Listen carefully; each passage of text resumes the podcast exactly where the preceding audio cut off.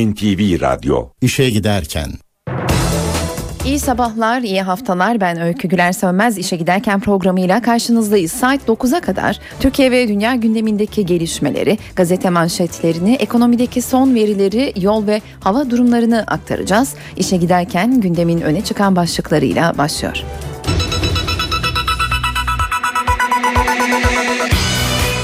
Suriye hava sahasını Türk uçaklarına kapattı. Rusya uçak krizinden Türkiye ile ilişkilerin etkilenmeyeceğini açıkladı. İstanbul ve Ankara baroları yeni başkanlarını seçti. İstanbul'da yüzlerce kadın meme kanserine karşı yürüdü. İşe giderken gazetelerin gündemi. İşe giderken gazetelerin birinci sayfalarından haberler aktaracağımız basın turuyla devam ediyor. Milliyet gazetesiyle başlayalım turumuza. Abdullah Gül'ün fotoğrafı göze çarpıyor. Manşette veto geliyor diyor başlık. Referandum bilmecesini köşk çözecek. Cumhurbaşkanı Gül onaylaması halinde Türkiye'yi Aralık'ta sandık başına gitmek zorunda bırakacak olan anayasa değişikliğini meclise iade ediyor. Yerel seçimlerin 5 ay öne alınmasına ilişkin anayasa değişikliği şu anda Çankaya Köşkü'ndeki uzmanların önünde. Cumhurbaşkanı Bakanlığı Başdanışmanı Ahmet Sever'e göre referandumu getireceği külfet nedeniyle doğru bulmayan Gül değişikliği meclise iade etme eğiliminde diye ayrıntılandırılmış manşet haberi Milliyet gazetesinde. Hemen altında ise Türk bayraklı kongre başlığı yer bulmuş. BDP 57 Parti Meclisi üyesinin KCK operasyonlarında tutuklanması nedeniyle ikinci olağanüstü kongresini yaptı. Partinin eş başkanı Selahattin Demirtaş önerdikleri demokratik özelliğe vurgu yaparak Öcalan'ın barış için şans olduğunu söyledi. Kongrede ilk kez Türk bayrağı asan BDP'liler Öcalan'ın dev bir posterini de salonda sergiledi. Uçak olayı ilişkileri etkilemez diyor başlık. Rus Dışişleri Bakanı'nın açıklaması bu. Ayrıntıyı aktaralım. Rus Dışişleri Bakanı Sergey Lavrov uçak olayından dolayı Türk-Rus ilişkilerinin etkilenmeyeceğini açıkladı. Şunları söyledi. Hiç kimsenin Türk-Rus ilişkileri üzerine endişelenmemesi gerekiyor. İki, iki ülke ilişkileri istikrarlı ve sağlam bir şekilde gelişiyor. Uçak olayı ilişkimizi etkilemeyecek. Devam ediyoruz Hürriyet gazetesiyle manşet haberi olarak belirlediği haber uçuşa kapalı başlığını taşıyor. Moskova'dan gelen yolcu uçağının askeri malzeme taşıdığı gerekçesiyle Esenboğa'ya indiren Türkiye hava sahasını Suriye'nin sivil uçuşlarına kapattı. Şam'da karşılık verdi. Türkiye'nin hava sahasını sivil Suriye uçaklarına kapattığını doğrulayan Ahmet Davutoğlu askeri bir makama askeri nitelikli malzeme taşındığı tespit edildi. Sivil uçuşlar istismar edildiği için hava sahasını kapatma kararı kararı aldık. Suriye Savunma Bakanlığı'na önceki gün bildirdik dedi denmiş manşet haberinin ayrıntısında. Hemen altında yer bulan fotoğrafsa 39 kilometreden çılgın rekor uzaydan atladığı başlığıyla yer buluyor Hürriyet gazetesinin birinci sayfasında. Dünya dün Felix Baumgartner'ın uzaydan çılgın atlayışına tanıklık etti. 43 yaşındaki emekli paraşütçü serbest düşüşte 1342 kilometre hıza ulaşarak ses duvarını aşan ilk insan oldu. Ve İstanbul Barosu'nda başkan değişmedi diyor hemen alttaki başlık ayrıntısını aktaralım. 29 bine yakın üyesiyle dünyanın en büyük barolarından olan İstanbul Barosu dün başkanını seçti. Ümit Kocasakal 22 bin oydan 12 bin 836'sını alarak açık ara bir dönem daha başkan oldu diyor bu haberin de devamı. Vatan gazetesi var sırada manşette referandum olmaz başlığı göze çarpıyor. Başbakan yardımcıları Atalay ve Bozda yerel seçimlerin öne alınmasına yönelik anayasa değişiklik teklifinin 367'nin altında kalmasını böyle değerlendirdi demiş. Kısaca aktaralım ayrıntıyı Beşir Atalay. Bu planlanan bir şey değildi. Çok sürpriz oldu. Referandum dediğiniz ülke genelinde ciddi bir seçimdir. Önümüz kış zaten tarihte yetişmiyor. Cumhurbaşkanımızın kararı önemli. Referandum ihtimali ihtimali zayıf. Hemen yanında Ahmet Davutoğlu'nun fotoğrafı göze çarpıyor. Lahta Brahimi ile birlikte Suriye'ye Avrupa Barış Ordusu diyor başlık. Birleşmiş Milletler'in Suriye'ye Avrupalı askerlerden oluşan 3000 kişilik ordu göndermesi planı üzerinde çalıştığı öne sürüldü. İddiaya göre Birleşmiş Milletler Suriye temsilcisi Brahimi önceki gün İstanbul'da görüştüğü Davutoğlu'na planı anlattı. Hemen altında yer bulan haberin başlığı ise 20 özerk bölge ifadesini taşıyor. Yeniden başkanlığa seçilen BDP'li Demirtaş, Türkiye'nin idari yapısının 15-20 özel bölgeye ayrılmasını önerdi. İçkili mekanlar şehir dışına çarpıcı bir başlık ayrıntıya aktaralım. Kırıkkale Belediye Başkanı Veli Korkmaz, ilk mer il merkezindeki içkili yerlerin kent dışında hayvan pazarı mevkiine taşınması için çalışmaların sürdüğünü söyledi. AK Partili Korkmaz, halktan sık sık şikayet alıyorduk dedi. Hemen altında yer alan haberin başlığı ise Baro Başkanı yine Koca Sakal. Türkiye'nin birçok ilinde avukatlar dün baro başkanlarını seçmek için sandık başına gitti. Dünyanın en büyük barosu olan İstanbul'da Ümit Kocasakal, Ankara'da ise Metin Feyzioğlu rakiplerine büyük fark atarak yeniden seçildi. Cumhuriyet gazetesi var sırada. Günün haberi olarak belirlediği manşet haberinin başlığı işkenceme karışma ifadesini taşıyor. Hükümet ilerleme raporundaki işkenceyle ilgili iddiaların değiştirilmesini istemiş. İlerleme raporu yayımlanmadan önce Ankara-Brüksel hattında pazarlıklar yaşandı. Hükümet gerçeği yansıtmadığı ya da subjektif olduğu için bazı bölümlerin değişmesini istedi. Hemen altında yer bulan haber Şam'dan uçuş yasağı ifadesini taşıyor başlıkta. Suriye ve Türkiye hava sahalarını karşılıklı olarak olarak kapattı. Türk uçaklarına uçuş yasağı önceki gece yarısı yürürlüğe girdi. Suriye, Türkiye'nin bir Suriye yolcu uçağını indirmesine yanıt olarak bu kararın alındığını duyurdu. Bunun üzerine Türkiye'de hava sahasını Suriye uçaklarına kapattı. Sabahla devam ediyoruz. Sabahın manşet haberi Azrail yargıya 3,5 ay fark attı başlığını taşıyor. Ankara'da boşanma davası açtı diye eşi tarafından öldürülen Fatma Yılmaz'ı mahkeme cinayetten 3,5 ay sonra boşadı. Hemen altında yer bulan haberse uzaya çıktı, dünyaya sıçradı başlığını kullanmış Avustralyalı Felix tüm dünyanın merakla beklediği rekor denemesini başarıyla tamamladı. 2,5 saatte 39 bin metre yüksekliğe çıkan Baumgartner kendini boşluğa bıraktı ve 15 dakika sonra yeryüzüne ulaştı. BDP bildiğiniz gibi diyor sabahın ilk sayfasındaki bir başka haberin başkanı başlığı eş başkanlar değişmedi. Demirtaş ve Kışanak yine BDP eş başkanlığına seçildi. Kongreye Öcalan'ın kardeşleri Mehmet Öcalan, Fatma Havva Kevser Öcalan Öcalan katıldı. Kongre salonunda Öcalan posteri, tribünde Öcalan'ın kardeşleri, kürsüde PKK'nın gölgesi demiş. Sabah gazetesi bu haberin ayrıntısında. Radikalle devam ediyoruz. Birinci sayfada gördüğü haberin başlığı tampon bölgeye karşıyız çünkü ifadesini taşıyor. Türkiye analisti Amerikalı Profesör Henry Berkey radikale konuştu. Türkiye'nin derdi Suriye sınırında tampon bölge yaratmak. Bunun için de Amerika'ya baskı yapıyor. Türkiye istese bile Suriye'ye tek başına giremez. Türk hükümetinin özgüveni kendisine yanlış yaptırdı. Esad'a en fazla 6 ay biçtiler, yanıldılar diyerek Amerikalı Profesör Henry Barkey'in açıklamalarından alıntı yapmış bu haberin ayrıntısında ve bugün tüm gazetelerin birinci sayfalarında yer bulan haber için uzaydan dünyaya atladı başlığını kullanmış. Hemen üstünde ise Selahattin Demirtaş'ın fotoğrafıyla yer bulan haberin başlığı için askere dağılayacağız dağda ölene de ifadelerini kullanmış radikal. Habertürk'te devam ediyoruz. Vicdanlılar, vicdansızlar başlığını kullanmış manşetinde iki bölüme ayırarak vicdanlılarla başlayalım. İşte insanlık Mehmetçik dağda yakaladığı PKK'lı teröriste kendi elleriyle yemek yedirdi. Vicdansızlar İstanbul'da depreme karşı güçlendirme işini alan firma bir okuldan söktüğünü diğerine taktı. Çocukların hayatını hiçe saydı. Esad'ın uçağından kendi halkına misket bombası başlıklı haberle devam edelim. Geniş bir alana saçılarak sivilleri öldüren bombaların delil görüntüleri çıktı. Amerikan İnsan Hakları İzleme Örgütü Rus yapımı misket bombalarına ait görüntüleri yayınladı. Suriye'nin sivil halkı umursamadığını kanıtladı dedi. Sivillere tehdit olan bombalar birçok ülkede yasak diye ayrıntılandırmış Habertürk'ün bu haberi ve son olarak Star gazetesinin manşet haberini aktaralım. Akıllı füzelere süper gözlüyor başlık. Türkiye %100 yeni üretim yerli üretim füzelerin hedefi bulmasını sağlayan dedektörleri üretmeyi başardı.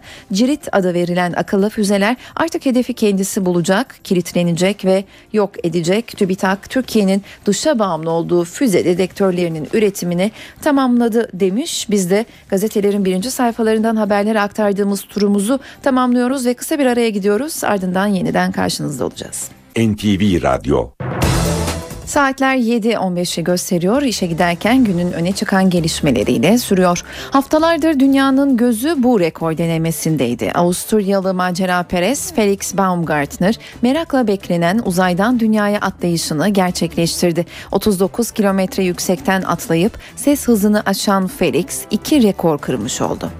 to the rear. 39 kilometre yükseklikten dünyaya atladı. So under under parachute now. Dev bir helyum balonuyla stratosfere çıkan Avusturyalı macera Perez Felix Baumgartner 39 kilometre yükseklikten kendini boşluğa bıraktı. Astronot kıyafetine benzeyen basınçlı bir tulum giyen Baumgartner'ın atlayışı 5 dakika sürdü.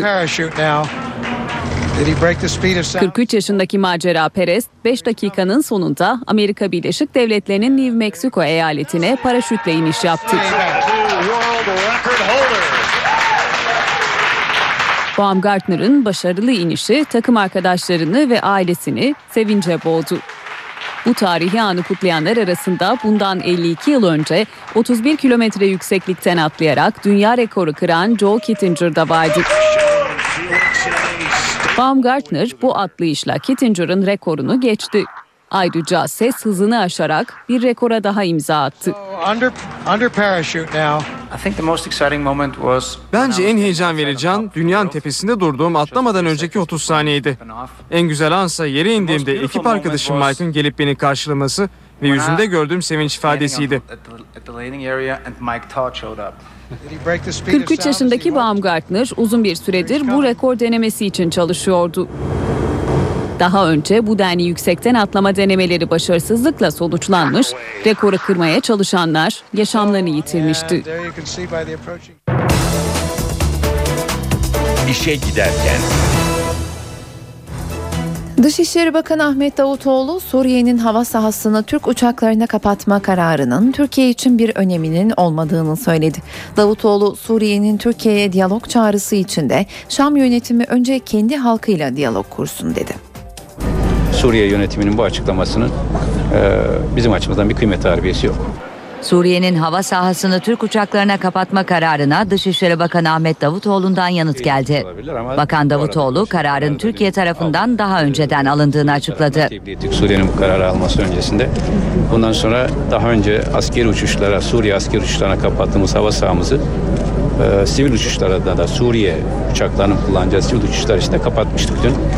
Çünkü sivil uçuşlar sivil nitelikte yapılan uçuşlardır. Askeri bir makama, askeri nitelikli bir malzemenin taşındığı tespit edildiği için Suriye Savunma Bakanlığı'na e, bu sivil uçuşların istismar edildiği, kötüye kullanıldığını tespit ettiğimiz için Suriye tarafına dün zaten bildirim bulunulmuştu. Bundan sonra Türk hava sahasının e, kendi halkına savaş açmış bir rejime herhangi bir şekilde destek sağlamak üzere askeri bakımdan yapılacak uçuşlara kapanmış olduğunu zaten teyit etmiştik. Bakan Davutoğlu Suriye'nin diyalog çağrısına da kendi halkınla diyalog kur şeklinde yanıt verdi. Biz Suriye ile diyaloğu 10 yıldır en yoğun şekilde sürdürdük. Suriye'de ilk sosyal hareketler başladığı zaman da aylarca diyalog sürdürdük. Ve aylarca söylediğimiz tek şey vardı. Halkınla diyalog kur. Ya biz sen halkınla dost olursan biz de sana dost oluruz. Esas olan Suriye halkıdır. Kendi halkının hayat hakkına saygı göstermedikçe bizim için diyalog kapılarını açmanın bir anlamı olmaz. Rusya Dışişleri Bakanı Sergey Lavrov, Türk-Rus ilişkilerinin Suriye uçağının Ankara'ya indirilmesinden etkilenmeyeceğini söyledi. Lavrov, Moskova-Şam seferini yapan Suriye yolcu uçağının Ankara'ya indirilmesinin iki ülke ilişkilerini etkilemeyeceğini kaydetti. Lüksemburg'da konuşan Lavrov, size temin ederim Rusya-Türkiye ilişkileri konusunda kimsenin endişelenmesine gerek yok dedi. Lavrov, Türk-Rus ilişkilerinin sağlam bir şekilde gelişmekte olduğunu söyledi. Türk F-16'ları geçen hafta içinde Rus yolcuların da bulunduğu Suriye uçağını içinde Şam'a götürülen askeri malzemeler olduğu gerekçesiyle Esenboğa Havalimanı'na indirmişti. Suriye'de çatışmalar ülkenin ikinci büyük kenti ve aynı zamanda ticaretin merkezi Halep'te yoğunlaşmış durumda. Bu durum tarihi yüzyıllar öncesine dayanan kenti adeta enkaza çevirdi. Birçok tarihi eserin zarar gördüğü kentten kaçış da sürüyor. Nüfusun yarısından çoğunun terki, kenti terk ettiği belirtiliyor. Suriye'nin ticaret merkezi aynı zamanda tarihi şehri Halep. Kent muhaliflerle Suriye ordusunun aylardır devam eden çatışmaları nedeniyle enkazı andırıyor. Birçok tarihi eser çatışmalar nedeniyle zarar gördü. Eski kentin merkezine giden yol üzerindeki dükkanlar Suriye ordusunun top atışları nedeniyle yıkılmış durumda. 12. yüzyıldan kalma Emevi Camii çatışmalara ve ardından da alevlere teslim oldu. Bölgedeki 300 yıllık Kassal Harami Camii de çatışmalardan zarar gördü. Halep Temmuz ayından bu yana muhaliflerle Suriye ordusu arasında çatışmalara sahne oluyor. Ordu birlikleri kentin güneyinden operasyonlarını yürütürken muhalifler Halep'in doğusunda güçlü. Birleşmiş Milletler Bilim ve Kültür Örgütü UNESCO'nun Dünya Mirası listesinde yer alan kentten kaçış da sürüyor. Merkez nüfusu 2 milyon aşan Halep'te yaşayanlardan yarısından fazlasının kenti terk ettiği belirtiliyor. Suriye'de çatışmalar sürerken Şam rejimine suçlama geldi. İnsan Hakları İzleme Örgütü Esad yönetiminin yerleşim birimlerinde misket bombaları kullandığını iddia etti. İnsan Hakları İzleme Örgütü'nden Şam rejimine suçlama. Örgüt, Esad yönetiminin yerleşim birimlerini uçaklar ve helikopterlerden atılan misket bombalarıyla vurduğunu iddia etti. İnsan Hakları İzleme Örgütü saldırıların çoğunun ülkenin kuzeybatısında geçen hafta muhaliflerin eline geçen Marat El Numan kasabasında yoğunlaştığını da belirtti. İnternete yüklenen ve İdlib'de olduğu iddia edilen görüntülerde de bazı kişilerin patlamamış misket bombalarını ellerinde tuttukları görülüyor. Havada patlayan misket bombaları bomba içinde bomba olarak biliniyor. Hedefe atıldığında ana bomba infilak edince içindeki misket büyüklüğündeki minik bombacıklar da dağılarak çevreye saçılıyor ve arka arkaya patlıyor. Etki alanı geniş olduğundan verdiği zayiat da büyük olabiliyor.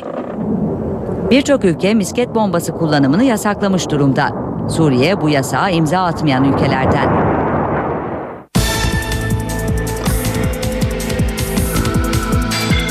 İşe giderken. Suriye'nin Tel Abyad ilçesinde yaralanan 8 muhalif yaralı Şanlıurfa'nın Akçakale Devlet Hastanesi'ne getirildi. Esad güçleri Tel Abyad'a bağlı Aynel Arus bölgesini top atışı altına aldı. Ali Belciye köyünde yaralanan 8 muhalif ambulanslarla Akçakale Devlet Hastanesi'ne götürüldü. Durumu ağır olan 2 kişi Şanlıurfa Devlet Hastanesi'ne sevk edildi.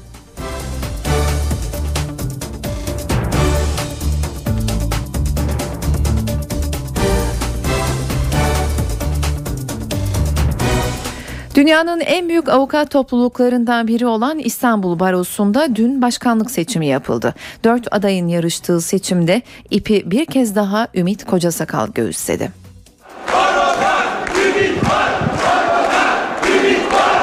Doçent Doktor Ümit Kocasakal %58 oy oranıyla İstanbul Barosu Başkanlığına bir dönem daha seçildi.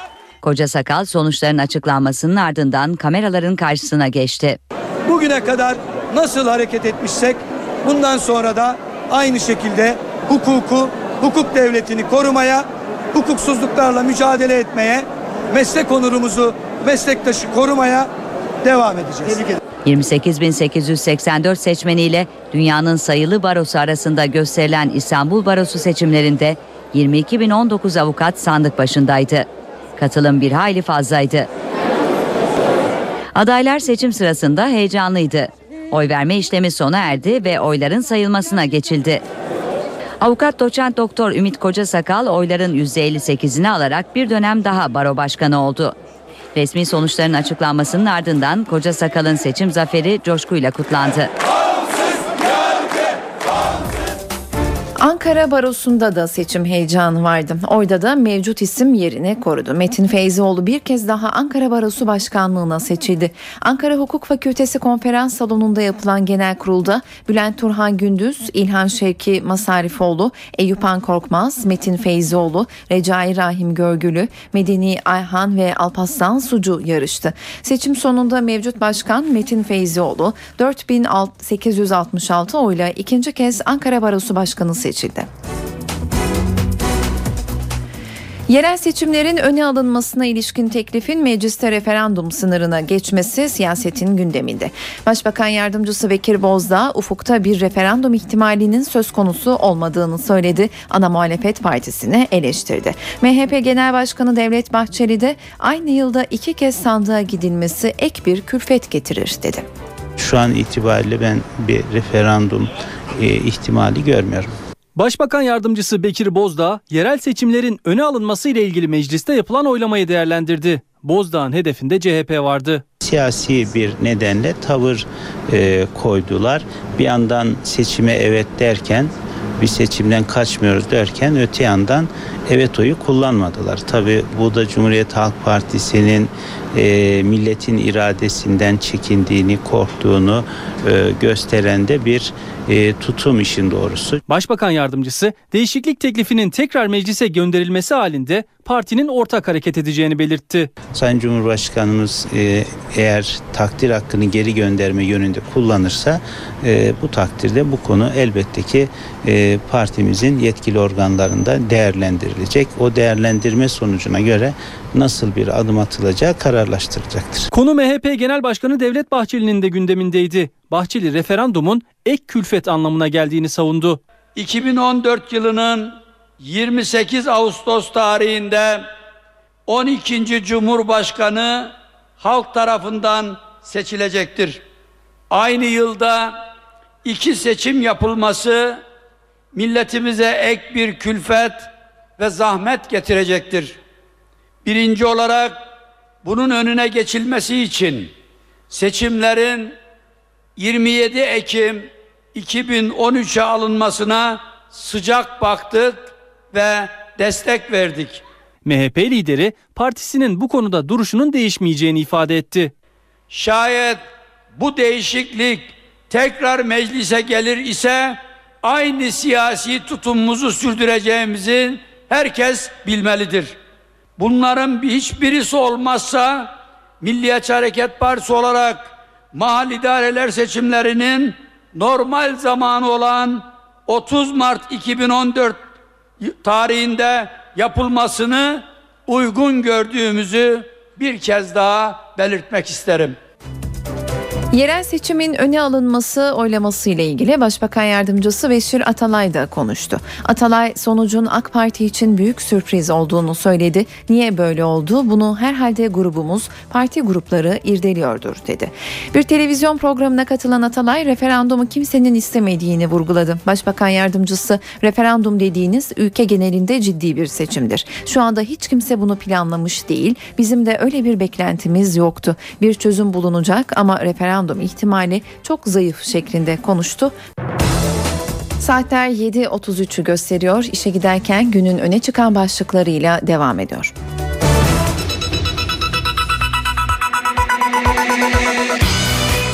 Suriye hava sahasını Türk uçaklarına kapattı. Rusya uçak krizinden Türkiye ile ilişkilerin etkilenmeyeceğini açıkladı. İstanbul ve Ankara baroları yeni başkanlarını seçti. İstanbul'da yüzlerce kadın meme kanserine karşı yürüdü.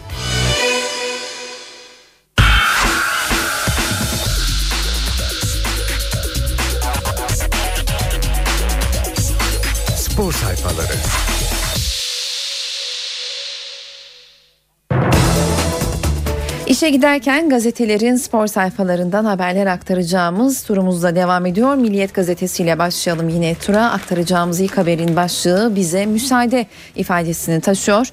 Fenerbahçe'de Alex'ten sonra son dönemlerde fazla şans bulamayan Miroslav Stoh, Bienvenu ve Semih'in devre arasında takımdan ayrılmak için teknik direktör Aykut Kocaman'a başvurdukları öğrenildi. Yönetim hocanın kararına göre hareket edecek. Eski Melo dönecek başlığı yer bulmuş hemen yan sayfada Galatasaray'ın Brezilyalı yıldızı Ülker Çocuk Saati programında çocuklarla yaptığı sohbette eski günlerine dönmek için çok çalıştığını söyledi. Taraftarımızın fazla beklemesine gerek yok. En çok 3-4 hafta içinde istediğim seviyeye gelirim diyerek Melo'nun açıklamalarından alıntı yapmış. Bu haberin ayrıntısında Milliyet gazetesi. Yeni stoper Emerson diyor bir başka başlık. Trabzonspor sorun yaşadığı stoper bölgesi için yeni bir alternatif buldu. Torpedo Kutayasi maçının ikinci yarısında Mustafa Yumlu ile defansın ortasında görev yapan Brezilyalı, Brezilyalı Emerson performansıyla göz doldurduğu demiş bu haberin de devamında. Fener'in pestili çıktı diyor. Hemen yan sayfada yer bulan haberin başlığı 83-78'lik skoru hatırlatarak son 13 gündeki 6. maçını Erdemir deplasmanında oynayan Fenerbahçe Ülker 35. dakikasını 6 sayı geride geçtiği mücadeleden güç de olsa galip ayrıldı. Kartal hattı kapattı kapatmadı. Hemen altında yer bulan haberin başlığı Euro Lig'deki ilk maçında Partizan'ı deviren Beşiktaş ligin startında Telekom önünde kabus yaşadı. Siyah beyazlılar D. Brown ve Ceyhun'un şutları girmeyince tek farkla galibiyete ulaştı. Patron değişmedi başlıklı haberle devam edelim. Türkiye Bisiklet Federasyonu'nun genel kurulunda tek aday olarak seçime katılan mevcut başkan Emin Müftüoğlu 118 delegenin oyunu alarak güven tazeledi demiş bu haberin ayrıntısında ve işte yeni kral diyor bir başka başlık milliyette. F1'de Kore GP'sini Sebastian Vettel kazandı. Red Bull pilotu bu sonuçla beraber sürücüler klasmanında Alonso'yu arkasında bırakıp şampiyona liderliğine yükseldi. Şimdi elimizde iki kişilik yeni ve mini bir F1 sezonu var denmiş bu haberin de ayrıntısında. Devam ediyoruz. Habertürk Spor var sırada. İlk sayfasında Fenerbahçe beni ister mi başlığı göze çarpıyor. Lokomotiv Moskova'da Ziegler'le birlikte forma giyen Rus golcü Roman Pavlyachenko eski Fenerli'nin övgülerinden etkilendi menajeriyle mesaj gönderdi. Hemen üstünde yer alan haberin başlığı ise şüphesiz sakat. Ay Yıldızlıların 2014 Dünya Kupası elemelerinde mağlubiyetle ayrıldığı Romanya sınavında sakatlığı nedeniyle kulübede oturan yarın oynanacak kritik Macaristan maçı öncesinde milli takım kadrosundan çıkarılan Selçuk İnan kendisine şüpheyle yaklaşanlara sitem etti demiş ve hemen yanında son fire Gökhan Gönül başlığı göze çarpıyor. Macaristan sınavı için dün Budapeşte'ye giden amili takımda Mehmet Topal, Burak Yılmaz, Selçuk İnan'dan sonra sakatlık nedeniyle kadrodan çıkarılan son isim Gökhan Gönül oldu. Devam edelim. Habertürk Spor'un iç sayfalarına bakalım. Paşa devlerle yarışıyor başlığı göze çarpıyor. Evinde oynadığı 3 maçı da kazanan Kasımpaşa liglerinde bu sezon iç sahada hep galip gelen Chelsea, Bayern Münih, Juventus gibi takımların arasında yer aldı. Türkiye'den Ordu Spor'da bu listeye girmeyi başardı. Afrika Uluslar Savaşı hemen yan sayfada göze çarpan bir başlık. Futbol şiddeti bu kez Afrika'ya sıçradı. 2013 Afrika Uluslar Kupası elemelerinde oynayan Senegal fil dişi maçında olaylar çıktı. Taraftar sahaya daldı. Futbolcular büyük tehlike atlattı. Ve hemen altında Urfa karıştı diyor bir başka başlık. Şanlıurfa 1461 Trabzon maçı olaylar sebebiyle tatil edildi. Sahaya giren taraftarlar hakem Hüseyin Sabancı'ya saldırmaya çalıştı. Vettel Style başlığıyla devam edelim. F1'de Sebastian Vettel Kore GP'sinde kazanarak genel klasmanda Alonso'yu geçip şampiyonluk için avantajı eline geçirdi. Alman pilot zaferini PSY ile birlikte pistte Gangnam Style dansı yaparak kutladı. 3 dakikada Fenerbahçe yan sayfada yer bulan haberin başlığı Fenerbahçe Ülker Beko Ligi'nin ilk haftasında Erdemir deplasmanında 37 dakika ecel terleri döktüğü maçı son 3 dakikadaki 12-3'lük seriyle çözdü. Turkish Airlines Euro Lig'den sonra Beko Ligi'ne de galibiyetle girdi. Kartal son nefeste Beko Ligi'nin son şampiyonu Beşiktaş sezona yepyeni bir kadroyla giren Türk Telekom'un iyi savunması karşısında 61 sayıda kaldığı maçı son anda kazandı demiş bu haberinde devamı Hürriyet var sırada. Hürriyet'in spor sayfasından aktaracağımız ilk haber bu neyin primi başlığını taşıyor. Daha üçüncü maçlar sonunda Dünya Kupası şansını mucizeye bırakan millilere yine de ödül geliyor. Federasyon ikiye bölündü. Başkan ağırlığını koyup parayı artırdı. Dünyanın en çok prim dağıtan milli takımı başarısızlığa rağmen bu unvanını kaybedecek gibi görünmüyor. Futbol Federasyonu Macaristan maçı için daha önce belirlenmiş primi 50 binden 60 bin dolara çıkardı. Devam edelim. Hürriyet'in spor sayfalarından haberler aktarmaya. Titreye titreye başlığı var sırada. Fenerbahçe Ülker Erdemir deplasmanında son anda galibiyete uzandı. Sarı lacivertliler zayıf rakibi karşısında ecel terleri döktü. Kim ki galibiyetiyle Turkish Airlines Euro Lig'e flash bir başlangıç yapan Fenerbahçe Ülker, Beko Basketbol Ligi'ndeki ilk sınavında ölüp ölüp dirildi. 20 sayı atan Oğuz Savaş, galibiyette önemli rol oynadı diyor 83-78'lik skoru hatırlatarak. Hemen yan sayfada ise Galatasaray cephesinden bir haber göze çarpıyor. Cimbom'a darbe diyor başlık. Milli futbolcular Galatasaraylı Selçuk ve Buran, Fenerbahçe'de ise Mehmet Topal, Meyrelez ve Gökhan'ın sakatlıkları iki ekipte keyifleri kaçırdı. Muhteşem rekabet başlığı göze çarpıyor hemen altında. Vettel uzak doğuda yeniden doğdu. Alman yıldız Kore'de de uçtu. Alonso'dan tahtı geri aldı. Weber takım arkadaşına pol pozisyonunu hediye etti. Son iki Grand Prix'de podyumun en üst basamağına tırmanan Sebastian Vettel Kore'de fırtına gibiydi. Puanını 215'e çıkaran Alman pilot 209 puanla Fernando Alonso'nun yerine lider olarak bitime 4 yarış kala büyük bir avantaj ele geçirdi diyor. Ve son olarak Vatan gazetesinin spor sayfalarına bakalım. Korktuğu başına geldi başlığı Aykut Kocaman'ın fotoğrafıyla yer bulmuş. Aykut Kocaman'ın sakatlık kabusu gerçeğe dönüştü. Beşiktaş galibiyetinin ardından umarım milli takımlardan sağlam dönerler dediği oyunculardan Mehmet Topal, Gökhan Gönül ve Meyrelez'in sakatlanması tüm planlarını alt üst etti. Hedef artık Final Four başlığı yer bulmuş bir başka sayfasında vatanın. Türkiye'de kazanmadık kupa bırakmayan Fenerbahçe Grundig'in yıldızı Leonel Marshall gözünü Şampiyonlar Ligi'ne dikti. Geçen yıl Türkiye'deki 3 kupayı da kazandık. Şimdi Avrupa'da da başarı zamanı. Şampiyonlar Ligi'nde en azından Final Four'a kalmak istiyoruz. Son gazete dedik vatan için ama akşamın da spor sayfalarına bakalım. Hızlıca aktaracağımız ilk haber Fener'de asla oynamam başlığını taşıyor. Melo'nun açıklamasından alıntı yapılmış başlıkta. Galatasaray'ın 10 numarası Felipe Melo'nun bu sözleri ezeli rakiplerini kızdıracak. Galatasaray Gençler Birliği maçıyla birlikte Pitbull sevinçlerime geri dönmek istiyorum. Pitbull Galatasaray TV'de canlı yayınlanan Ülker Fan Zone'da çocuk saatine katıldı.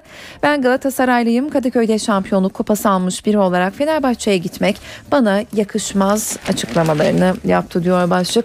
Ve son olarak olarak bu kadro başaramaz başlıklı haberle noktalayalım turumuzu. Mustafa Denizli milli takım için çok umutsuz mesajlar verdi. Milli takımın bu yapısıyla akıcı futbol, çabuk futbol oynama şansı yok. Kağıtta kalem birbirini tamamlar. Bir fincan kahvenin yanında bir bardak su olmalı. O bütünü bir araya getirmeden başarı da gerçekleşmez. Böylece gazetelerin spor sayfalarından haberler aktardığımız turumuzu noktalıyoruz. İşe giderken günün öne çıkan diğer gelişmeleriyle devam ediyor. BDP kongresinde Selahattin Demirtaş yeniden genel başkan seçildi. Demirtaş kongrede yaptığı konuşmada özerk bölge kurulması gerektiğini söyledi. Başbakan Erdoğan'ın teröriste ağlamayız sözlerine de yanıt verdi. 15-20 bölgeden oluşmuş özerk bölge yönetimleri öneriyoruz. O bölgenin sosyoekonomik, kültürel durumuna bakılabilir. Ve böylesine 15-20 bölge içerisinde özel Kürdistan bölge veya bölgeleri de olabilir. BDP'nin olağanüstü kongresine özellik talebi damgasını vurdu. BDP eş başkanı Selahattin Demirtaş bu bölgelerde resmi dilin yanı sıra ikinci bir resmi dilinde kullanılabileceğini söyledi. 15-20 bölgeli özerk yönetim formülü kabul görmezse sadece Kürdistan bölgesine özgü bir özerkliği de tartışabiliriz. Selahattin Demirtaş kürsüde başbakanın evlatlarımızı katleden teröristler için ağlamadık, ağlamayız sözlerine de yanıt verdi. Ölen askere de gerillaya da ağlayacağız. Bugün her biri için ağlayacağız ki yarın güleceksek birlikte gülelim. Bugün birlikte ağlamayanlar yarın beraber gülemezler. Demirtaş'ın Kürtçenin Kırmançı ve Sorani lehçeleriyle İngilizceye çevrilen konuşmasında Abdullah Öcalan vurgusu dikkat çekti. Savaş sorununu silah meselesini de konuşmak ve görüşmek istiyorsanız elbette ki bu konudaki muhataplarınız da Sayın Öcalan'dır, KCK yetkilileridir. Kongrede Öcalan ailesinin üç ferdi de vardı.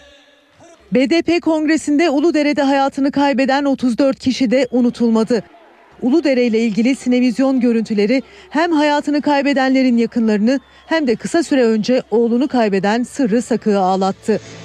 Bir süre önce Kürt sorununu Başbakan çözer açıklamasıyla gündeme gelen Leyla Zana'yla Murat Karayılan'ın kardeşi Mehmet Karayılan davetliler arasındaydı. Kongreye Irak, İran ve Suriye'den Kürt siyasetçiler de geldi. Meclisteki siyasi partilerdense sadece CHP davet edildi. CHP'yi Genel Başkan Yardımcısı Gülseren Onanç temsil etti. Kongrede Selahattin Demirtaş 650 oyla yeniden genel başkan seçildi. BDP'nin yeni parti yönetiminde 8 milletvekilinin yanı sıra Uludere olayında 7 yakınını kaybeden Ferhat Encü de yer aldı. Muhalefet partileri tarafından AK Partili olmayan belediyeler kapatılıyor eleştirilerine neden olan belediyeler yasasının Meclis İçişleri Komisyonu'ndaki görüşmelerinde tartışma çıktı. Muhalefet şerhlerin komisyon raporunda yer almamasına itiraz eden CHP ve MHP'li koalisyon üyelerinin girişimiyle toplantı bugüne kaldı. Meclis İçişleri Komisyonu'nun pazar mesaisi gergin bir havada başladı. 13 yeni ili büyükşehir kapsamına alıp 34 yeni ilçe kurulmasını öngören belediyeler yasa tasarısının görüşmelerinde iç tüzük krizi yaşandı. Geçtiğimiz hafta daha ayrıntılı bir inceleme için alt komisyona sevk edilen tasarının bu mesaisi cumartesi günü sabaha karşı 05 sularında bitti. Ve İçişleri Komisyonu muhalefet partilerine şerhlerini bildirmeleri için aynı gün 13'e kadar süre verdi. Muhalefet partileri şerhlerini yazarak komisyona bildirmelerine rağmen CHP'nin itirazı yetişmediği gerekçesiyle alt komisyon raporuyla birlikte basılarak dağıtılamadı.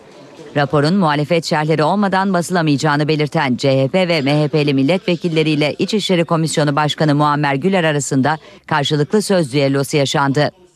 Bu durumun iç tüzüğe aykırı olduğunu belirten muhalefet vekilleri toplantının ertelenmesini istedi. Buna karşın İçişleri Komisyonu Başkanı AK Parti Mardin Milletvekili Muammer Güler tasarının görüşmelerine geçmek isteyince komisyonda tansiyon yükseldi. Önce usul hakkında konuşalım. Buyurun, buyurun size.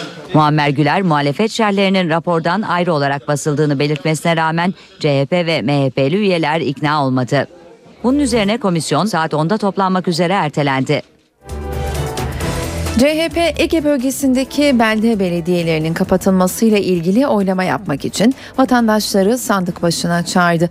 Dünkü oy verme işlemine katılım yüksek oldu. Yeni düzenlemeyle birçok belde belediyesinin kapatılacak olmasına tepki gösteren CHP bölgenin nabzını yoklamak amacıyla kamu yoklamasına gitti. Kamuoyu yoklaması için İzmir, Aydın, Muğla, Manisa ve Balıkesir'de birçok belde sakini sandık başına gitti. Oylamaya katılanlara üstünde evet belediyem kapatılsın ve hayır belediyem kapatılmasın yazılı pankartlar dağıtıldı. Beldedeki oylama işlemi önümüzdeki haftada devam edecek. Askerler en çok hakaret, dayak ve tehditten şikayetçi. Askerde kötü muamele intihara kadar götürebiliyor. Bir internet sitesi askerlerden gelen bu tür şikayetleri rapor haline getirdi ve raporu Meclis İnsan Hakları Komisyonu'na gönderdi. Vatanımı çok seviyorum ama şiddet altında askerlik yapmak istemiyorum. Bu ifade Adana'da görev yapan bir Mehmetçi'ye ait. Meclise gönderilen rapora göre Türkiye'nin dört bir yanında bu durumda yüzlerce asker var. 432 Mehmetçik askerlikte maruz kaldığı şiddeti askerhakları.com sitesinde anlattı. Sitede şikayetleri raporlaştırıp Meclis İnsan Hakları Komisyonu'na gönderdi. Askerlikte yaşanan hak ihlalleri raporu, hakaret, dayak, angarya ve intiharlar isimli rapora göre yüzlerce askerin ortak iddiası hakaret, dayak, aşırı fiziksel aktiviteye zorlanma ve tehdit. İki askerden biri küfüre maruz kaldığını söylüyor. Askerler ayrıca yeterli sağlık hizmeti alamamaktan, şahsi işlere koşturulmaktan ve uykusuz bırakılmaktan şikayetçi. Rapordaki en çarpıcı bölümse kötü muamelenin intihar, akıl sağlığını yitirme ve kalıcı fiziksel hasara kadar uzanan sonuçları. Rapora göre 2012 yılında tam 32 asker intihar etti. Meclise gönderilen raporda şikayetlerin bir kısmına da ayrıntılı olarak yer verildi. Buna göre Fenerbahçe Ordu Evi'nde bir asker hakaret ve psikolojik baskı altında olduğunu söylüyor. Artık içimde yaşam sevinci kalmadı diyor. Adana'da bir asker, birçok arkadaşımız kendini kesti. Sağlık kontrolü yapılsa her şey ortaya çıkacak. Ben vatanımı çok seviyorum ama bu şekilde askerlik yapmak istemiyorum diye konuşuyor. Şanlıurfa'da 13 yaşındaki bir kız çocuğunu evlendirmek isteyen anne babası ve kızla evlenmek isteyen kişi tutuklandı. Güvenlik güçleri Halfeti ilçesindeki bir köyde yaşayan 13 yaşındaki kız çocuğunun babası ve annesinin kararıyla 28 yaşındaki bir kişiyle evlendirileceği ihbarını aldı. Köye giden güvenlik güçleri kız çocuğunu koruma altına alarak rehabilitasyon merkezine yerleştirdi. Anne ve babayla çocukla evlenme hazırlığı yapan kişi tutuklandı. Edirne'de sağanak yağış su baskınlarına neden oldu. Yaklaşık 20 dakika süren kuvvetli sağanak nedeniyle cadde ve sokaklarda su birikintileri oluştu. Araçlar suyla dolan caddelerde ilerlemekte güçlük çekti. Kentte bazı evlerin bodrum katları ve dükkanları su bastı. GAP eylem planı kapsamında Diyarbakır ve Batman'da yapılan sulama kanalları bölgenin gıda üssü olmasını sağlayacak. Yaklaşık 4 milyon dekar araziyi suyla buluşturacak olan dev proje sayesinde 400 bin kişi de iş sahibi olacak. GAP eylem planı kapsamında Diyarbakır ve Batman'a sulama kanalları yapılıyor. Yaklaşık 4 milyon dekar arazinin sulanmasını sağlayacak dev kanallar sayesinde bölgede yetiştirilen ürün çeşitliliği artacak. Şimdiye kadar sulama suyunun yetersiz olması nedeniyle çiftçiler doğudaki verimli topraklardan faydalanamamıştı. Ancak GAP eylem planının hayata geçmesiyle Diyarbakır, Siirt, Batman, Mardin ve Şırnak'ta üretimin 5 kat artması bekleniyor. Biz bu projeleri bitirdiğimiz zaman ki adım adım bitiriyoruz 4 milyon dekar araziyi suyla buluşturacağız. Toprağı suyla buluşturduktan sonra tek üründe 5 kat daha fazla ürün alacağını düşünüyoruz. 4 milyon dekar tarım alanı 400 bin kişinin de iş sahibi olmasını sağlayacak. Bu dev projenin bölge ekonomisine yaklaşık 6 milyar dolar katkı sağlaması bekleniyor. Sırada yol durumu var. İstanbul'da trafikteki son duruma kısaca bakalım. Köprülerdeki duruma bakarsak Boğaziçi Köprüsü Avrupa girişinde trafik şu anda akıcı. Asya girişi Altunizade tarafında ise trafik yoğun seyrediyor. Tem Fatih Sultan Mehmet Köprü giriş ve çıkışında da trafik normal akışında.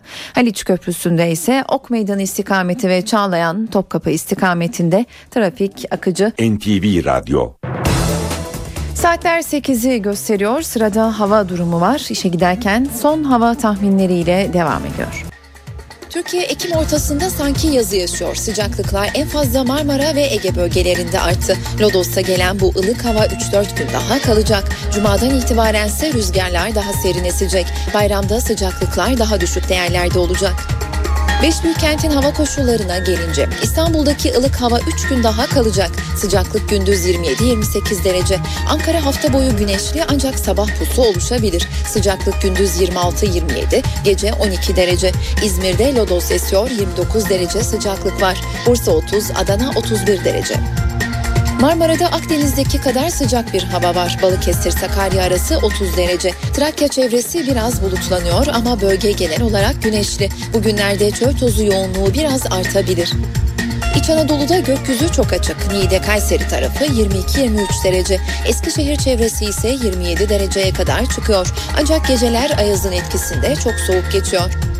Ege bölgesinde güneşin ve sıcak lodosun etkisiyle hava yazdan farksız. Sıcaklık sahiller ve denizli boyunca 30-31'e kadar çıkıyor. Deniz suyu sıcaklığı hala 22-23 derecelerde. Akdeniz'de Antalya'dan Adana'ya kadar ve Güneydoğu boyunca güneş parlamaya devam edecek. Antalya ve Gaziantep 28 derece. Doğu Anadolu'da da hafta boyu yağış yok. Gündüzler güneşin etkisiyle ılık geçiyor. Erzurum 20, Malatya 24 derece. Gece ise Erzurum 3 dereceye kadar soğuyor. Karadeniz'de de az rastlanır bir hava var. Cuma'ya kadar hem güneşli hem de rüzgarlar zayıf ve karadan esiyor. 25-26 derece sıcaklık var. Olumsuzluk yaratabilecek durumsa Bolu ve iç kesimlerde oluşabilecek sis.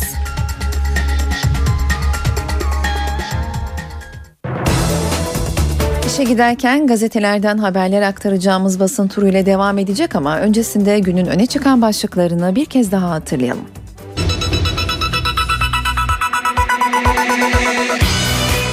Suriye hava sahasını Türk uçaklarına kapattı.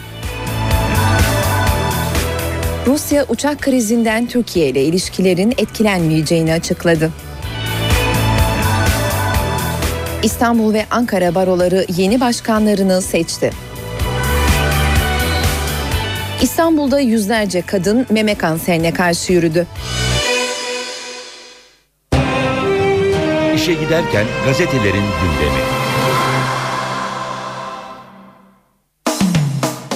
İşe giderken de gazetelerin birinci sayfalarından haberler aktaracağımız basın turu var sırada. Milliyetle başlayalım turumuza. Manşette Abdullah Gül'ün fotoğrafı ve veto geliyor başlığı göze çarpıyor. Referandum bilmecesini köşk çözecek. Cumhurbaşkanı Gül onaylaması halinde Türkiye'yi Aralık'ta sandık başına gitmek zorunda bırakacak olan anayasa değişikliğini meclise iade ediyor. Yerel seçimlerin 5 ay öne alınmasına ilişkin anayasa değişikliği şu anda Çankaya Köşkü'ndeki uzmanların önünde. Cumhurbaşkanlığı başlamış danışmanı Ahmet Sever'e göre referandumu getireceği külfet nedeniyle doğru bulmayan Gül değişikliği meclise iade etme eğiliminde. Sever inceleme tamamlanırsa salı günü meclise geri gönderilebilir diyor demiş manşetteki haberin ayrıntısı.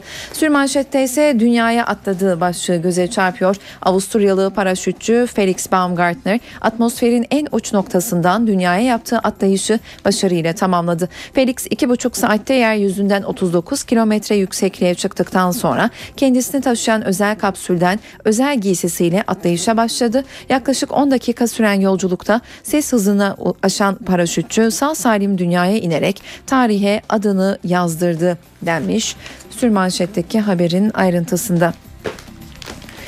Hürriyet gazetesiyle devam edelim. Sürmanşette büyük şehir olanın vergisi katlanacak başlığı göze çarpıyor. Mecliste görüşmeleri süren yasa tasarısı kabul edilirse 13 il büyükşehir belediyesine dönüşecek. Ancak o kentlerde yaşayanlara önemli vergi yükü gelecek. Manşetteki haberin başlığı ise uçuşa kapalı ifadesini taşıyor. Moskova'dan gelen yolcu uçağının askeri malzeme taşıdığı gerekçesiyle Esenboğa'ya indiren Türkiye hava sahasını Suriye'nin sivil uçuşlarına kapattı. Şam'da karşılık verdi.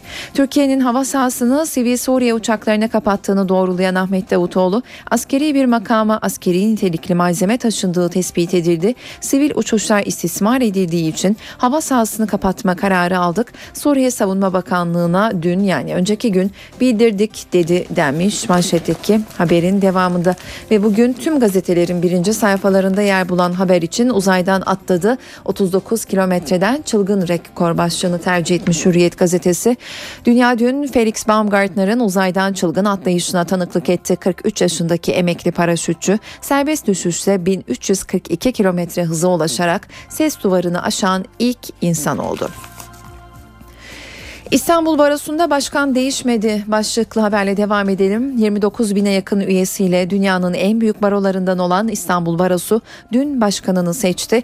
Ümit Kocasakal 22 bin oydan 12.836'sını alarak açık ara bir dönem daha başkan oldu. Vatan Gazetesi var sırada. Sürmanşetinde uzaydan atladığı başlığı göze çarpıyor. 43 yaşındaki Felix'in 5,5 dakika süren düşüşünü tüm dünya canlı yayında nefesini tutarak izledi diyor ayrıntı. Manşet haberi ise referandum olmaz başlığını tercih etmiş.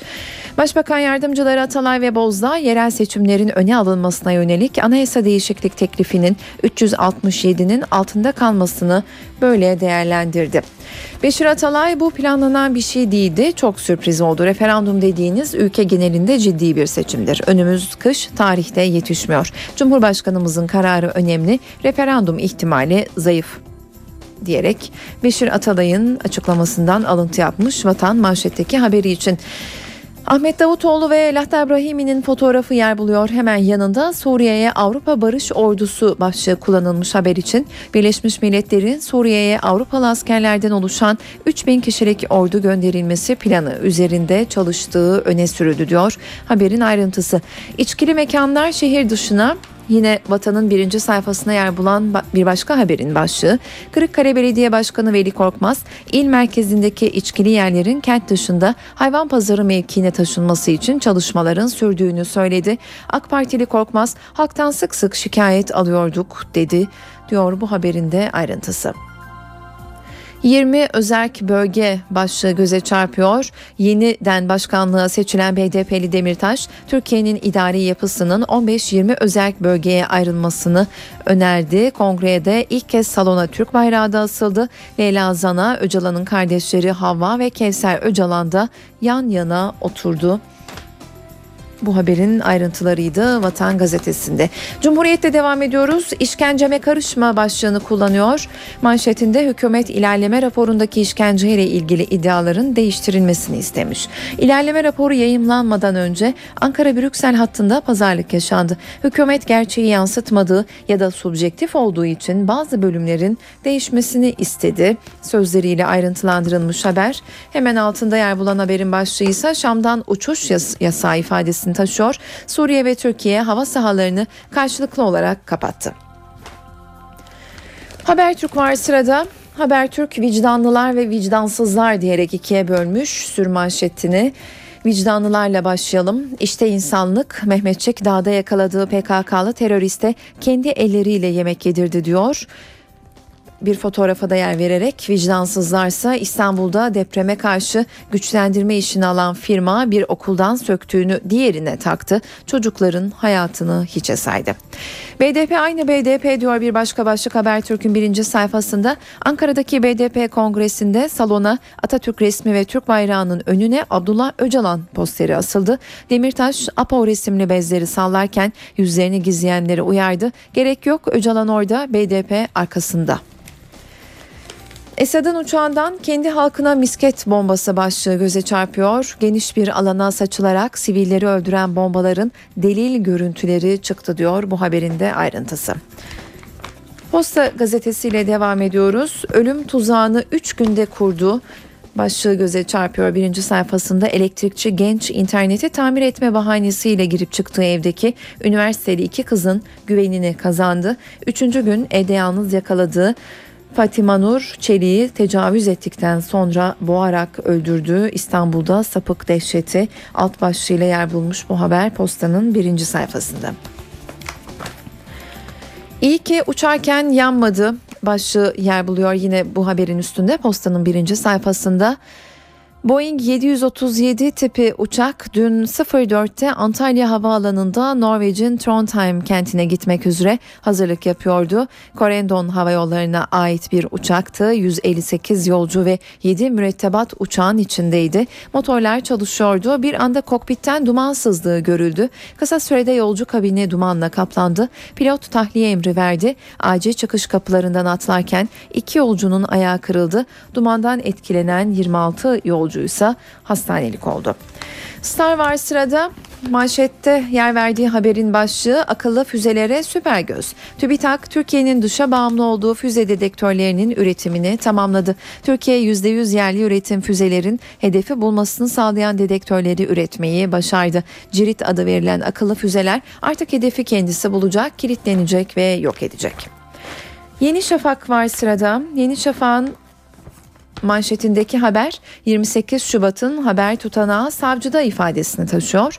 Genelkurmay 28 Şubat sürecini yöneten BÇG'ye ait belgelerle karargahı sık sık ziyaret eden gazetecilerin listesini soruşturmayı yürüten savcılığa gönderdi. BÇG'nin bir haber için Hürriyet ve Milliyet'teki gibi kullanacağına dair bir tutanak hazırlatarak dönemin Sabah gazetesi yöneticisine imzalattığı ortaya çıktı deniyor. Manşet haberinin ayrıntısında. Ve son olarak radikale bakalım. Radikal tampon bölgeye karşıyız. Çünkü başlığını tercih etmiş birinci sayfasındaki haberinde Türkiye analisti Amerikalı Profesör Henry Berkey radikale konuştu. Türkiye'nin derdi Suriye sınırında tampon bölge yaratmak. Türkiye istese bile Suriye'ye tek başına giremez. Türk hükümetinin özgüveni kendisine yanlış yaptırdı. Esad'a en fazla 6 ay biçtiler, yanıldılar diyerek Türkiye analistinin açıklamalarından alıntı yapılmış bu haberde ve biz de böylelikle gazetelerin birinci sayfalarından haberler aktardığımız turumuzun sonuna geliyoruz ve kısa bir araya gidiyoruz. Yeniden karşınızda olacağız. Saatler 8.17'yi gösteriyor. İşe giderken de günün öne çıkan diğer gelişmeleriyle karşınızdayız. Dışişleri Bakanı Ahmet Davutoğlu Suriye'nin hava sahasını Türk uçaklarına kapatma kararının Türkiye için bir öneminin olmadığını söyledi. Davutoğlu Suriye'nin Türkiye'ye diyalog çağrısı için de Şam yönetimi önce kendi halkıyla diyalog kursun dedi. Suriye yönetiminin bu açıklamasının e, bizim açımızdan bir kıymet harbiyesi yok. Suriye'nin hava sahasını Türk uçaklarına kapatma kararına Dışişleri Bakanı Ahmet Davutoğlu'ndan yanıt geldi. Bakan Davutoğlu kararın Türkiye tarafından daha önceden alındığını açıkladı. Suriye'nin bu kararı alması öncesinde bundan sonra daha önce askeri uçuşlara, Suriye askeri uçuşlarına kapattığımız hava sahamızı e, sivil uçuşlara da, da Suriye uçaklarının kullanacağı sivil uçuşlar için de kapatmıştık dün. Çünkü sivil uçuşlar sivil nitelikte yapılan uçuşlardır. Askeri bir makama, askeri nitelikli bir malzemenin taşındığı tespit edildiği için Suriye Savunma Bakanlığı'na e, bu sivil uçuşların istismar edildiği, kötüye kullanıldığını tespit ettiğimiz için Suriye tarafına dün zaten bildirim bulunulmuştu. Bundan sonra Türk hava sahasının e, kendi halkına savaş açmış bir rejime herhangi bir şekilde destek sağlamak üzere askeri bakımdan yapılacak uçuşlara kapanmış olduğunu zaten teyit etmiştik. Bakan Davutoğlu Suriye'nin diyalog çağrısına da kendi halkınla diyalog kur şeklinde yanıt verdi. Biz Suriye ile diyaloğu 10 yıldır en yoğun şekilde sürdürdük. Suriye'de ilk sosyal hareketler başladığı zaman da aylarca diyalog sürdürdük. Ve aylarca söylediğimiz tek şey vardı. Halkınla diyalog kur. Ya biz sen halkınla dost olursan biz de sana dost oluruz. Esas olan Suriye halkıdır. Kendi halkının hayat hakkına saygı göstermedikçe bizim için diyalog kapılarını açmanın bir anlamı olmaz. Dünyanın en büyük avukat topluluklarından biri olan İstanbul Barosu'nda dün başkanlık seçimi yapıldı. Dört adayın yarıştığı seçimde ipi bir kez daha Ümit Kocasakal göğüsledi.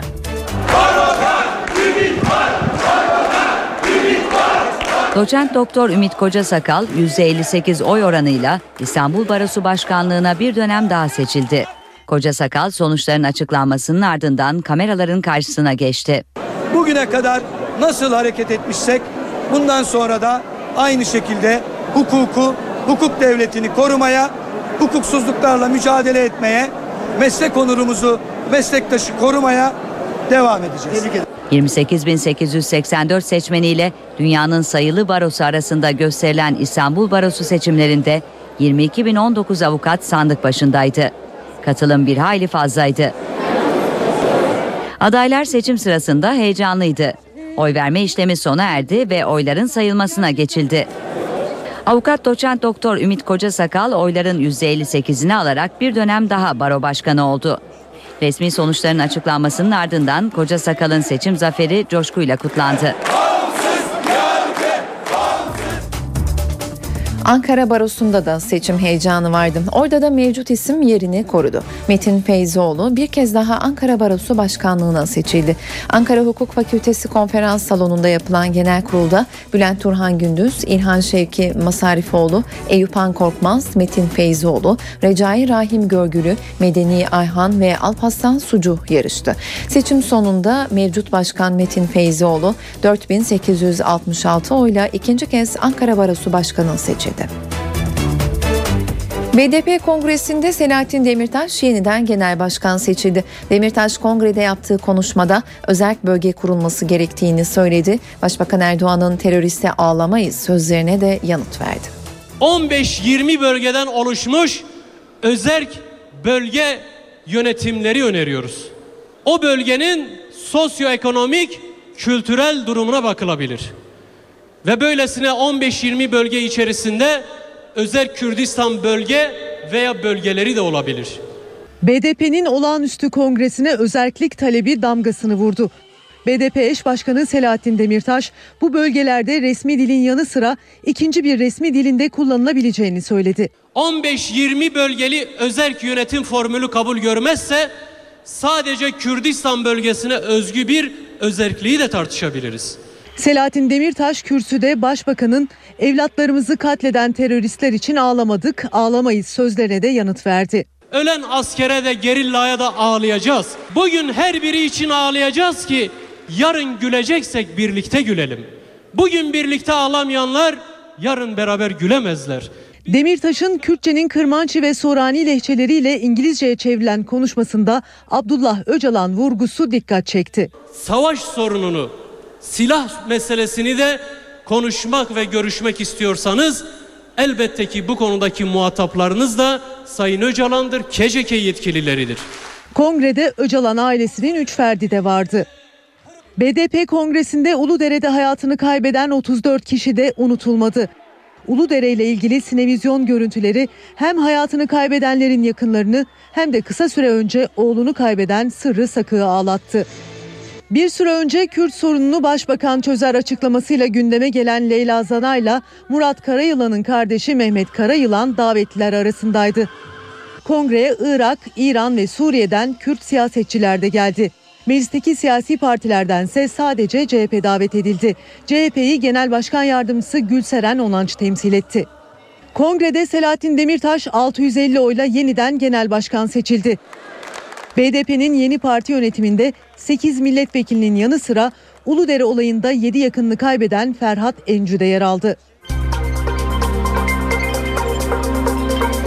Ankara gündemi. Sırada başkent gündemi var. Ankara gündeminin ayrıntılarını bugün NTV muhabiri Özden Erkuş'tan dinliyoruz. Bugün ve bu hafta Türkiye Büyük Millet Meclisi'nin çok yoğun bir mesaisi var. Bugünle başlayalım. Toplu iş ilişkileri yasa tasarısı Meclis Genel Kurulu'nda görüşülmeye devam edilecek ki ikinci bölümünün tümü üzerindeki görüşmeler tamamlanmıştı yasa tasarısı üzerinde. Bugün de bu görüşmeler sürecek. Tasarı ile birlikte işçinin işinin işsiz kalması halinde sendika üyeliği bir yıl boyunca sürecek. Sendika ve konfederasyonlar dış temsilcilik açabilecek tasarıyla iş kolu sayısı 28'den 20'ye işçi sendikasına üye olma yaşı da 16'dan 15'e indirilecek bazı sendikaların ve konfederasyonların karşı çıktığı yasa tasarısının görüşmeleri dikkatle takip edilecek Meclis Genel Kurulu'nda.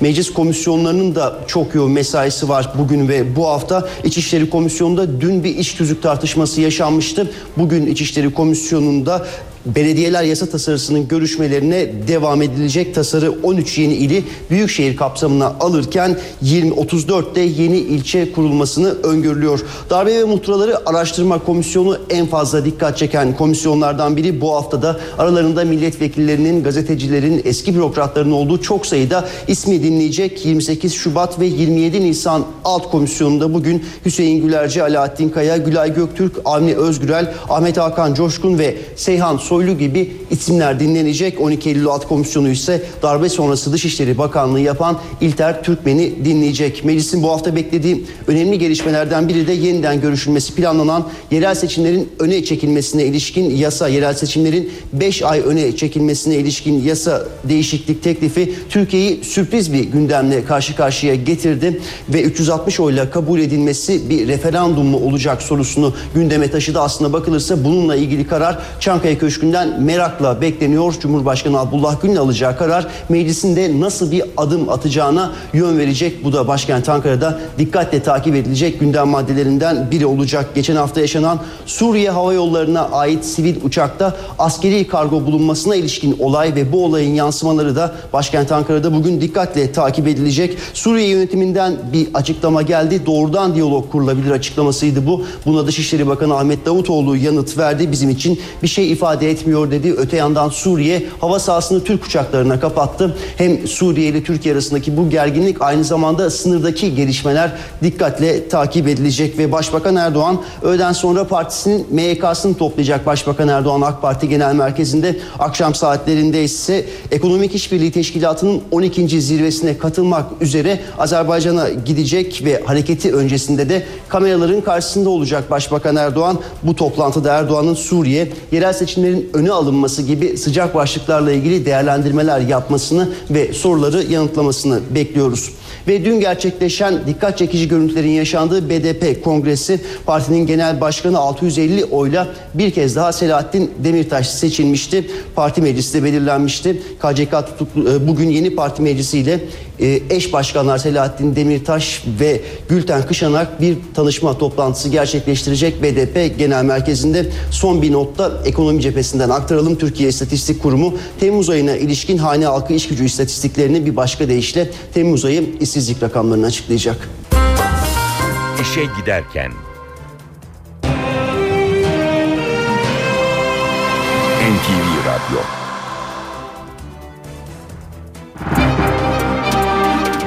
Sırada para ve sermaye piyasalarında son durum var. Piyasaların cuma günü haftayı nasıl kapattığını hatırlayalım. İMKB 100 endeksi haftayı 25 puanlık düşüşle 69.603 puanla 2012 yılının en yüksek kapanışını gerçekleştirdi. Serbest piyasada dolar 1.81.32, euro 2.33.99 liradan satıldı. Euro dolar paritesi 1.29, dolar yen paritesi 78 seviyelerindeydi. Uluslararası piyasalarda altının onsu 1765 dolardan işlem görür görülürken kapalı çarşıda Cumhuriyet altın 688, çeyrek altın 170 liradan alıcı buldu. Londra Brent tipi ham petrolün varil fiyatı ise 114 dolardan işlem gördü. İşe giderken İşe giderken yol durumuyla devam ediyor. İstanbul'da yol durumuyla ilgili son bilgileri paylaşalım bir kez daha. Öncelikle Boğaziçi Köprüsü'ne bakalım. Boğaziçi Köprüsü Zincirlikuyu Avrupa girişinde trafik normal seyrinde ilerlerken Asya girişinde ise yoğunluk söz konusu. Fatih Sultan Mehmet Köprüsü Anadolu girişinde trafik yoğun. Ancak Tem yönü köprü çıkışında trafik akıcı. Avrupa girişinde de tıpkı Asya girişinde olduğu gibi bir yoğunluk söz konusu. Haliç Köprüsü'ne baktığımızda ise Haliç'ten Esen'den Ok Meydanı yönüne ve Çağlayan Topkapı yönlerine de trafik yoğun seyrediyor.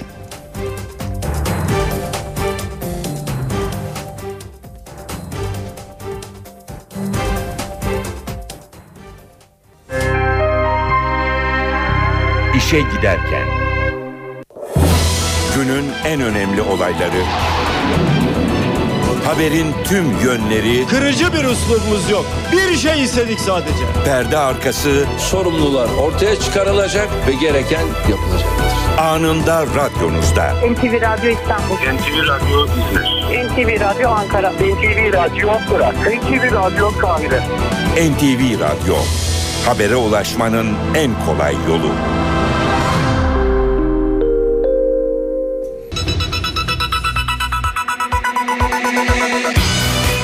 Suriye hava sahasını Türk uçaklarına kapattı. Rusya uçak krizinden Türkiye ile ilişkilerin etkilenmeyeceğini açıkladı. İstanbul ve Ankara baroları yeni başkanlarını seçti. İstanbul'da yüzlerce kadın meme kanserine karşı yürüdü.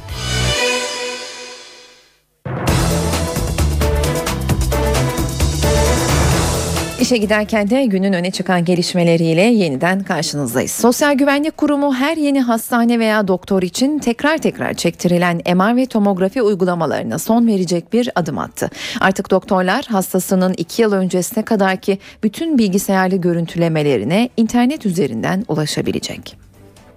Hastalar artık her gittiği hastanede her yeni doktor için tekrar tekrar MR çektirmek zorunda kalmayacak. Türkiye'de bilgisayarlı tomografi ve MR gibi tetkiklerin sayısı dünya ortalamasının üstünde.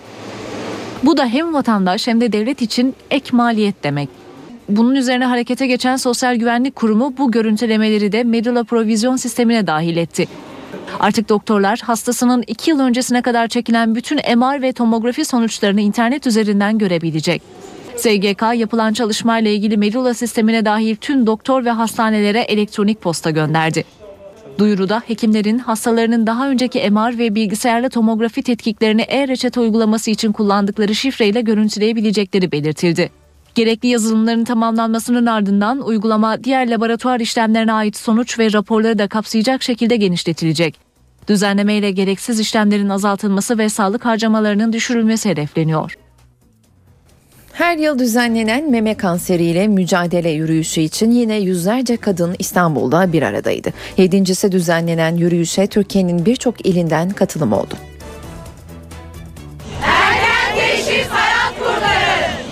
Yüzlerce kadın meme kanseriyle mücadele için İstanbul Ortaköy'de bir araya geldi. Yıl yedincisi düzenlenen yürüyüşün açılışını daha önce meme kanserini alt eden Filiz Akın, oğlu İlker İnanoğlu ile birlikte yaptı. Destekçisiyim çünkü kendim geçirdiğim için çok iyi biliyorum bütün safhalarını. Valla kanserde eğer erken teşhis olmasaydı bugün ben hayatta olamazdım. Çok sinsi bir hastalık belli etmiyor. Onun için kontrolleri ihmal etmesinler. Kanserden uzak durmak için hormonlu, antibiyotikli, e, e, kimyasal e, içeren yiyeceklerden uzak kalsınlar, spor yapsınlar, stresten mümkünse bunları yapabilsinler. Bugün işte çok güzel bir amaç için buradayız.